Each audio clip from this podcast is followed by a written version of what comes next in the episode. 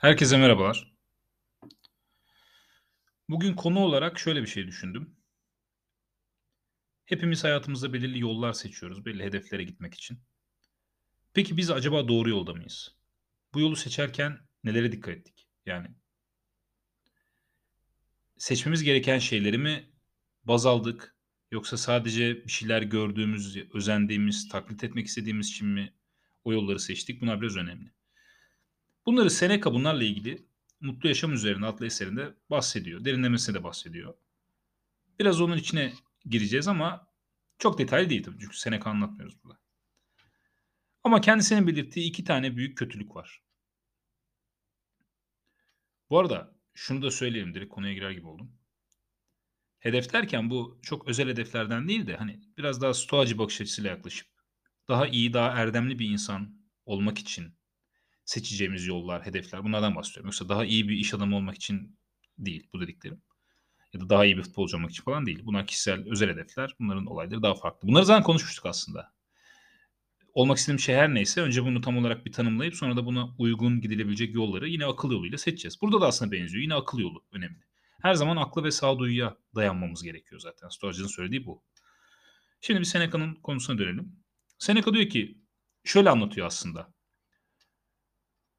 şu yolu şu yolu takip edeceksiniz demiyor. Ama daha önce konuşmalarda hatırlarsanız söylemiştik. Bazı durumlarda matematikte mesela şey yaparız. Bütünden çıkarırız. Kalan doğrudur gibi. Burada da onu yapacağız aslında. Burada diyeceğiz ki şu yol şu yol yanlıştır. Yani bunların dışında bir yol seçmeniz lazım. Çünkü her zaman söylüyorum öğretiler din olmadığı için bunu yapacaksınız, şunu yapacaksınız. Böyle bir tavrı yok. Yani böyle yaparsanız bence iyi olur diyor adam. Size kalmış. Ama yapmadığınızda bir ceza yok. Bir herhangi bir sıkıntı da yaşanacaksa bunu siz yaşayacaksınız. Kendi tercihinizden dolayı. Dolayısıyla bir ceza hükmü yok yani. Sen bunu yapmadın ben sana ceza veririm gibi bir şey söz konusu değil. Her neyse konuya dönelim. Şimdi iki tane temel şey söyleyeceğim. Bunu Seneca söylemişti ben söyleyeceğim erken. Birincisi şu, çok önemli. Toplumda büyük bir uzlaşıyla benimsenmiş şeyleri iyi ya da en iyi olarak kabul etmek. Bu büyük bir kötülük. Şimdi şunu biraz detaylandıralım ama hani toplumsal olarak uzlaşılan şey kötü müdür? E, hayır böyle bir şey iddiamız yok ama toplumda büyük bir çoğunluk uzlaştı diye bu iyi de değil. Bunun üzerine birazcık daha konuşacağız biraz sonra. İkinci de akla ve sağduyuya göre değil de başkalarına benzemek için yaptığımız şeyler. Yani bir yol seçiyorum ben. Başkasına benzeyeyim, onun gibi olayım diye onun yolundan gidiyorum akla falan dayanmıyorum. Sağduyu yok. Kafamda tartmamışım. Hiçbir şey yapmamışım ben. Sadece o gidiyor ben de gideyim. Aslında biraz düşününce dini bazı konularda biraz da geleceğiz burada. Biraz sonra da geleceğiz. Dini bazı konularda bunları yaşıyoruz. Bu dinin hatası değil bu arada. Bu bizim hatamız ama dini anlatanların da biraz hatası. Yani onlar da pek işin özünü anlatmıyor. Her neyse. Şimdi ikinci maddeyi tekrar edeceğim. Sonra buna güzel bir örnek vermek istiyorum. Akla göre değil de başkalarına benzemek için. Atatürk geldi aklıma ben bunları yazarken, bunları düşünürken. Atatürk hatırlarsanız şöyle diyordu. Akıl ile benim aramda kalırsanız yani benim akılla çeliştiğim bir nokta görürseniz beni değil aklı seçin diyor. Bilimi seçin diyor. Bilim diyordu galiba tam olarak akıl değil. Bu bu arada hani Atatürk'le ilgili zaten saatlerce konuşulabilir ama gerçekten ne okursam okuyayım bir yerlerde bunlarla ilgili yani bu tarz şeylerle ilgili aklıma illaki Atatürk'ün bir sözü bir davranışı geliyor gerçekten. Hani bu konuda çok örnek bir insan. Ona dikkat etmek gerekebilir. İkinci madde çok güzel bir örnek bu. Her ne olursa olsun, her ne şart altında olursa olsun bizim kılavuzumuz sağduyu olmalı. Burada tabii şimdi akılla bilim tam olarak aynı şey değil ama burada bilim felsefesine girmeyeceğiz tabii. Ben bilim yerine daha çok o yüzden sağduyu diyorum. Daha akıl diyorum. Yoksa bilim çok farklı bir konu yani burada. Bu da şö- şöyle anlaşılmasın hani bilim iyidir, bilim kötüdür tarzı bir şey değil. Bilim iyi ya da kötü olan bir şey değil çünkü. Bu, bu, bu sıfatları koyamazsınız bilime. Bilim de aynı bir kelime, bir şeyi temsil ediyor. Bir siyasi görüşü, bir ideolojiyi temsil etmiyor bilim yani. Onu da netleştirelim. Ama başka bir konuda belki konuşuruz bir gün. Şimdi birinciye dönersek, yani büyük bir uzlaşıyla benimsenmiş şeyleri iyi olarak görme, en iyi görme bunları diyor. Bu aslında Sokrat'a, Platon'a kadar gerileyen bir şey. Sokrat'ın çok güzel bir gemi hikayesi var ama tam ezberimde olmadığı için yarım yamalak anlatmak istemiyorum. Ama işin özü zaten biraz sonra tahmin edeceksiniz bunda. Platon'un devlet eserinde demokrasiyi sevmediğini ve çok övmediğini biliriz. Demokrasi taraftarı değildir kendisi. Ama bunun bir nedeni var. Hani şunu diyor aslında. Ben diyor neden çoğunluğun aldığı kararı doğru olarak uygulayayım? Ama yine dediğim gibi burada küçük bir nüans var. Platon demokrasinin eğitimsiz toplumlarda işe yaramayacağını söylüyor. Eğitimli toplumlarda değil. Hani demok de, çok demokrasi taraftar mı? Hayır ama daha çok hani devlet yöneten insanların özellikle devlet yönetimi için yetiştirilmesini öneriyor. Doğru ya da yanlış o ayrı bir konu. Ama demokrasi eğitimsiz halklarda kendisi o kadar güzel anlatıyor ki diyor ki bunu hitabet yeteneği güçlü biri gelir ve totaliter bir rejime gider diyor orası. Çünkü biri gelir bu halkı kandırır diyor. Çünkü bu insanlar eğitimsiz. Bu arada eğitimsiz derken ben bunu önceden okumuştum. Tabi seneler boyunca bunun üstüne bir şeyler ekleyince bunun aslında İngilizce olarak karşılığı tam bu cümleden bahsetmiyorum ama Sokrat Sokrat'ın inancında ignorance diyorlar. Bunu biz cehalet diye çeviriyoruz ama aslında burada iyinin ne olduğunu bilmeyen manasında kullanılan bir cehalet bu. Yani genel kültür cehaleti değil. Dolayısıyla hatta Sokrat şey derdi. İyinin ne olduğunu bilen iyiden başka bir şey yapamaz derdi. Burada benim anladığım eğitimsizlik biraz böyle hani felsefeyi de çekmek istiyor. Bu iyi ya da kötünün ayrımını yapamayan eğitimsizlik. Çünkü düşünmeyi bilmeyen insan bunlar. Bahsettiği insanlar. Eğer siz düşünmeyi bilmeyen yani akla göre karar almayan, birilerine yaranmak için, birilerine güzel gözükmek için kararlar alan insanlarla böyle demokratik bir sistem içine girerseniz sonuç bu birinci maddede Seneca'nın uyardığı şeye dönüşüyor. Yani en iyi şey olarak kesinlikle düşünmeyin diyor toplumsal uzlaşıyı. Çünkü hatta aslında kendisi söylüyor diyor ki buradan uzak durun yani. Direkt geri dönün oradan. O yanlış olandır çünkü diyor. Ama onu Seneca'nın eserini okuyarak kendiniz yorumlamanız daha doğru. Ben yorumlamayayım. Şimdi biz konumuza geri dönelim. O halde şimdi biz şunu öğrendik. Benim düşünmeden, sağduyuyla, akılla, bunları kılavuz etmeden girdiğim bir yol hiçbir zaman doğru yol olamaz. Çünkü olay aslında bir yani sağdaki yol, soldaki yol gibi bir şey değil. Olay bizde bitiyor. Olay benim orayı neden seçtiğimle alakalı. Şimdi hepimiz şüphesiz hayatımızda yani onlarca yüzlerce hata yapmışızdır. Bundan yani çok da o kadar alkaması kimsenin günahına girmeyeyim ama sanmıyorum ya hata yapmayan bir insan olsun. Zaten meşhur şarkıda da olduğu gibi hatasız bir insan yok. Şimdi an bunu düşünmemiz lazım. Yani biz kendimize döneceğiz. Çünkü hatta geçen konuşmada söyledim meditasyon demiştik ya. Bunu kendimiz için yapıyoruz. Şunu unutmayalım. En önemli şey şu. Ben vicdanımdan kaçamam.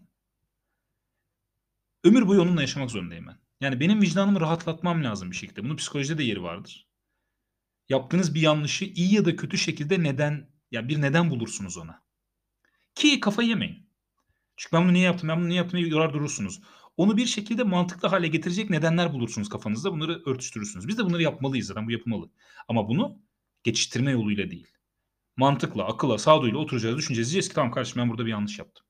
Bu yap bu değişmiyor artık. Ben yaptım bunu. Peki ben ne yapabilirim? Bir, bir daha yapmayabilirim. Tabii bunun için yollar var. İki, bunu tersine tamamen çevirebilirim. Hani bir daha yapmayabilirim ama içimden de gelmemesi lazım eğer bir yanlışsa. O zaman kendimi buna göre eğitmem gerekiyor. Bunun için de anlamak gerekiyor. Bir insanın diğer insana bağlı olduğunu anlamak gerekiyor. Benim söylediğim her sözün bir başkasını nasıl etkileyeceğini yani empati yapmak gerekiyor falan falan. Neyse oraya girmeyelim. Şimdi biz bir düşünelim yani geri dönüp kendimizi tartmamız lazım. Biz acaba hayatımızda ya da bugün, dün her şey olabilir. Sosyal statü için, kabul görmek için, dışlanmamak için, bir çevreye mensup olmak için sağduyu ve aklı kenara ittik mi? Yani biz yaptığımız hareketlerde, günlük hareketlerimizde bu hedef diye konuştuk ama bunlar çok böyle büyük, böyle şaşalı bir kelime ama öyle düşünmemek lazım. Biz bugün, dün, bir hafta önce, bir ay önce, beş sene önce aklımı kenara koyarak başkalarına yaranmak için ya da başkalarına benzemek için, çoğunluğa uymak için bir şeyler yaptık mı? Bunları düşünmek insana acı da veriyor bazen ama aslında bu şey gibi. Yani mesela doktor da gidip kolunuz ardınızda şöyle bir küçük de bir bastırır. Orada bir canınız yanar. Bu, bu acı onun gibi. Bu gereken bir acı. Bunu hatırlamanız lazım. Çünkü bu tanımlama işlemi bunu bir daha yapmamanız için önemli. Yoksa bunu halının altına süpürürseniz hani kafanızdan böyle kaçırırsanız onu ona bir daha geri dönebilirsiniz. Ama şimdi bunu tam olarak o kapıyı kapatmak gerekiyor. Öyle öyle söyleyeyim yani. O şeyleri bir halının altına da süpürüyorsanız tabiri caizse o kapıyı kapatmanız onu orada kapat kitlemeniz lazım. Ve bilmeniz lazım ki bunlar benim yanlışlarım bunlar burada. Ben artık bundan sonra önündeki kapılara bakıyorum ve bunu bu kapıyı açmayacağım bir daha. Buraya hiçbir şey koymak istemiyorum geri. Şimdi bunları söyledik ama bu aslında evet bu acı dedik. Bir acı çekeceğiz dedik. Bu bir pişmanlık yani. Pişman olacağımız şeyler yapacağız. Bundan kaçış yok. Ama şunu unutmayalım. İstediğiniz inanca mensup olursanız olun. Şimdi bir dini mensupsanız din diyor ki bize ben diyor senin içine ruh üfledim. Benden bir parça var sen diyor. Bu ne demek? Sizde Tanrı'nın bir parçası var demek. Dine inanmıyorsanız, hiçbir şeye inanmıyorsanız bile siz doğanın bir parçasısınız. Kendi kendiniz olmadınız. Bu da belli bir yani kimyasal reaksiyonlar sonra meydana geliyorsunuz. Stoacıysanız ya da antik Yunan inanıyorsanız onlar diyor ki burada bir evrensel güç var. Logos diyelim buna. Hepimizde bir logos parçası var. Hepimiz birbirimizden bir şey taşıyoruz diyor. Dolayısıyla insanın içinde her şeyin üstesinden gelebilecek bir güç var. Çünkü doğanın gücü var. Yani varlık var insanda. Buna eko yani şunun için söylüyorum bunu. Hiçbir zaman pes etmeyeceğiz. Geçmişte yanlış mı yaptın? Bitti yaptın. Bitti tamam. Bundan sonra bunu yapmama şansı senin elinde her zaman var. Ve şunu hiç unutmayalım. Bu çok önemli benim. Benim adıma çok önemli bu. İnsan bir süreç. Yani bir insanı bir gün yaptıklarıyla yargılamak çok doğru değil. Bir insanı bir yıl boyunca yaptıklarıyla yargılamak doğru değil. Evet hukuki olarak düşünüyorsak o dönem o hata yapıldı, yargılandı. Bunların bir felsefesi var. O ayrı. Ona, ona, ona bahsetmiyoruz şu an. Ama bu insanın hiçbir zaman düzelemeyeceğini, insanın hiçbir zaman doğru yolu bulamayacağını hiçbir zaman söyleyemeyiz. Çünkü insan bir süreçtir. Tabii psikolojik, yani psikolojik değil de psikiyatrik bir rahatsızlığı yoksa, ciddi bir rahatsızlığı yani yoksa her zaman bunu bulabilme imkanı vardır. Bakın bulabilir demiyorum. Yani bulur demiyorum pardon bulabilir elbette. Bulur demiyorum. Bulamaz da demiyorum. Ama bunu biz kafamızda hayır ya bu hiçbir zaman bulamaz diyememeliyiz, dememeliyiz. De, bunu yapmamalıyız yani. Şimdi küçük bir hikaye anlatayım. Biraz uzadı gerçi ama olsun. Bu hep hani e, bazen Instagram'da da paylaşıyorum. Thich Nhat Hanh diye bir Budist keşiş vardı. Ya mümkünse onun videolarını falan da öneririm bu arada. Alt Türkçe, Türkçe alt hızlı şeyler de var. Güzel bir enerji, yani çok güzel bir enerjisi var. Çok iyi bir insan gerçekten. Onun bir hikayesinde bu Fransa'da onun bir yeri var. Oraya insanlar geliyorlar falan. Çok detaya girmeyeceğim. Bir tane e, yanılmıyorsam Vietnam Savaşı'nda yer almış bir Amerikan askeri geliyor. Bu arada Tay da Vietnamlı. Tay dediğimizde Thich Nhat Hanh'ın e, lakabı, öğretmen demek. Tay bu adamın sessizliğini falan anlıyor. Sonra konuşuyorlar. Diyor ki ne oldu? Adam da çok kötü bir anısından bahsediyor. Bir yere bomba düzeneği kuruyorlar. Tabii o da yani emir kulu diyelim şimdilik. Yaptığı doğru değil tabii ama yani çocukları kandıracak bir bomba düzeneği kuruyorlar ve çocuklar ölüyor bu işin sonunda. Tabi adam o savaş şeyiyle her ne kadar onu yapsa da hayatı boyunca, geri kalan yılları boyunca hep bir, buna bir kabus olarak geri dönmüş adama ve adam çok rahatsız. Çocuklarla aynı yerde duramıyorum diyor. Kendimi çok kötü hissediyorum diyor. Tay bunun üzerine şöyle bir şey söylüyor ona. Diyor ki sen bunu yaptın mı gerçekten? Yaptın. Peki bunu geri alabilir misin? Alamazsın. Peki diyor sen bu çocuklardan kaçarak bir şey elde ediyor musun? Etmiyorsun. Neden demiş yardıma ihtiyacı olan çocuklara yardım etmiyorsun? Yani sen 5 kişinin canını aldın evet. Ama sen 5 bin, 5 milyon belki 5 milyar olmuyor tabii de. Bir sürü çocuğun hayatına artı etkide bulunabilecek şu an bir güce sahipsin. Elin kolunu tutuyor. Onlara yardım edebilirsin. Parandan bir kısım verebilirsin. Onlar için organizasyonlar düzenleyebilirsin. Bunları diyor neden yapmıyorsun? Biraz önce yapmak istediğim buydu. Bir yanlış yaptık diye, bir pişmanlık duyuyoruz diye bu hayatın sonu değil. Belki de bu biraz çok hoş karşılanmayacak bir düşünce de olabilir ama bunun üstüne düşünürseniz mantık göreceksiniz orada. Belki de yaptığınız o yanlış sizin kat be kat daha güçlü bir iyilik ya da güçlü iyilikler yapabilmenize olanak sağlıyor. Hani toplama baktığımızda tabii ki her can çok kıymetlidir. Her ama bu kadar dramatik bir öldürmekten bahsetmiyoruz elbette. O örnekte bile ya da mesela deprem düşünelim. Ben onu çok söylerim. Bazen çok polyanlacılık gibi geliyor ama gerçekten değil.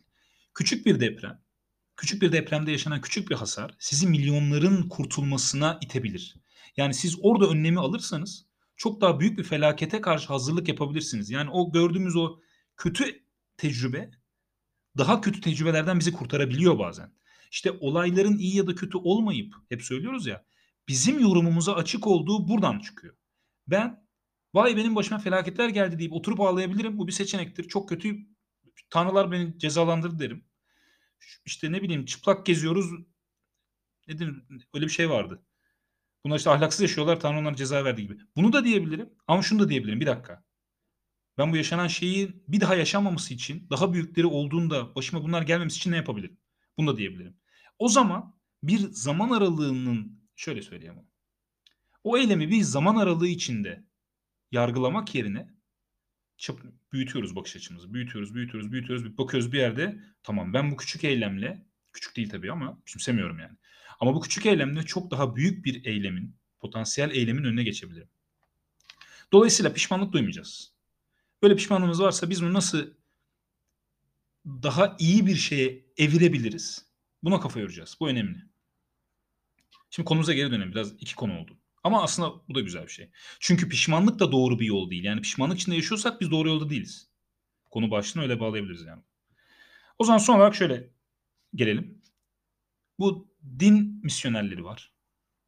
Örgütler var. Her tür örgüt olabilir bu.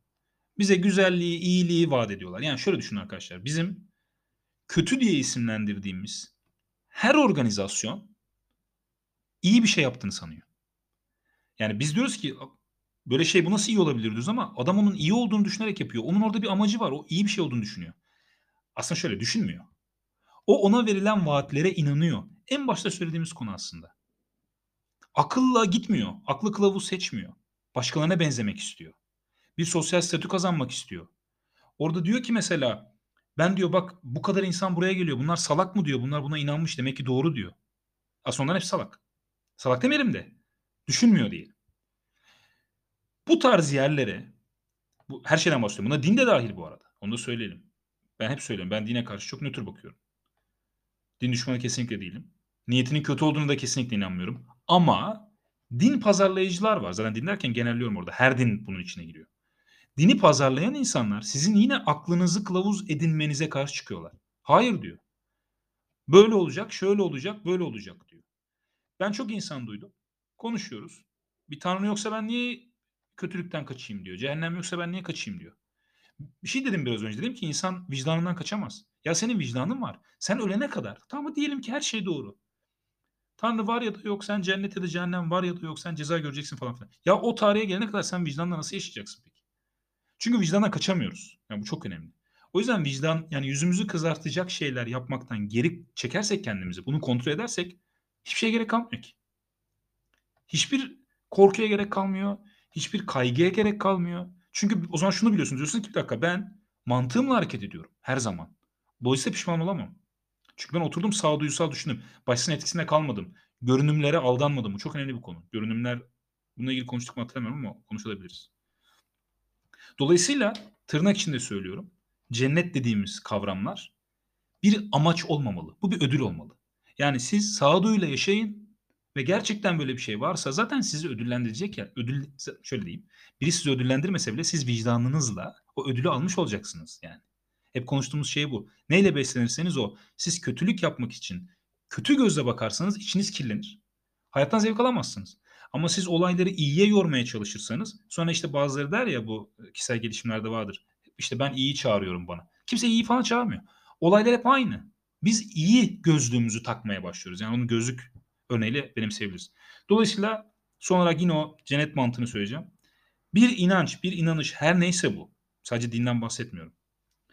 Bunun peşinde gidiyorsak durup düşünmemiz lazım. Ben neden bu yolu seçtim? Ben bu yola giderken akıl ve sağduyuyu mu aldım kılavuz olarak? Yoksa benim başka böyle hani içgüdüsel bir kendimi beğendirme, bir kabul ettirme amacım mı var? Eğer ikincisi ise seçtiğiniz yol gerçekten doğru insanların, erdemli insanların seçtiği yol olsa bile sizin için tırnak içinde doğru olmayacak o. Çünkü siz bir yol seçmediniz ki. Siz bir yola sürüklenmiş oluyorsunuz ve o yolda yürümüyorsunuz. Siz sürükleniyorsunuz. Birileri çekiyor sizi. Yapışıyorsunuz paçalarına. Peşinden gidiyorsunuz. Bu ona benziyor. Dolayısıyla ödül uğruna bir şey yapmayalım. Çünkü gerçekten niyetimizi saflaştırır ve yine artık 50 kere söylediğim akıl ve sağduyu kılavuz olarak alabilirsek o ödüllerin hepsi bizim olacak zaten. Şimdilik bu kadar. Herkese iyi geceler diliyorum. Biraz geç oldu ama olsun.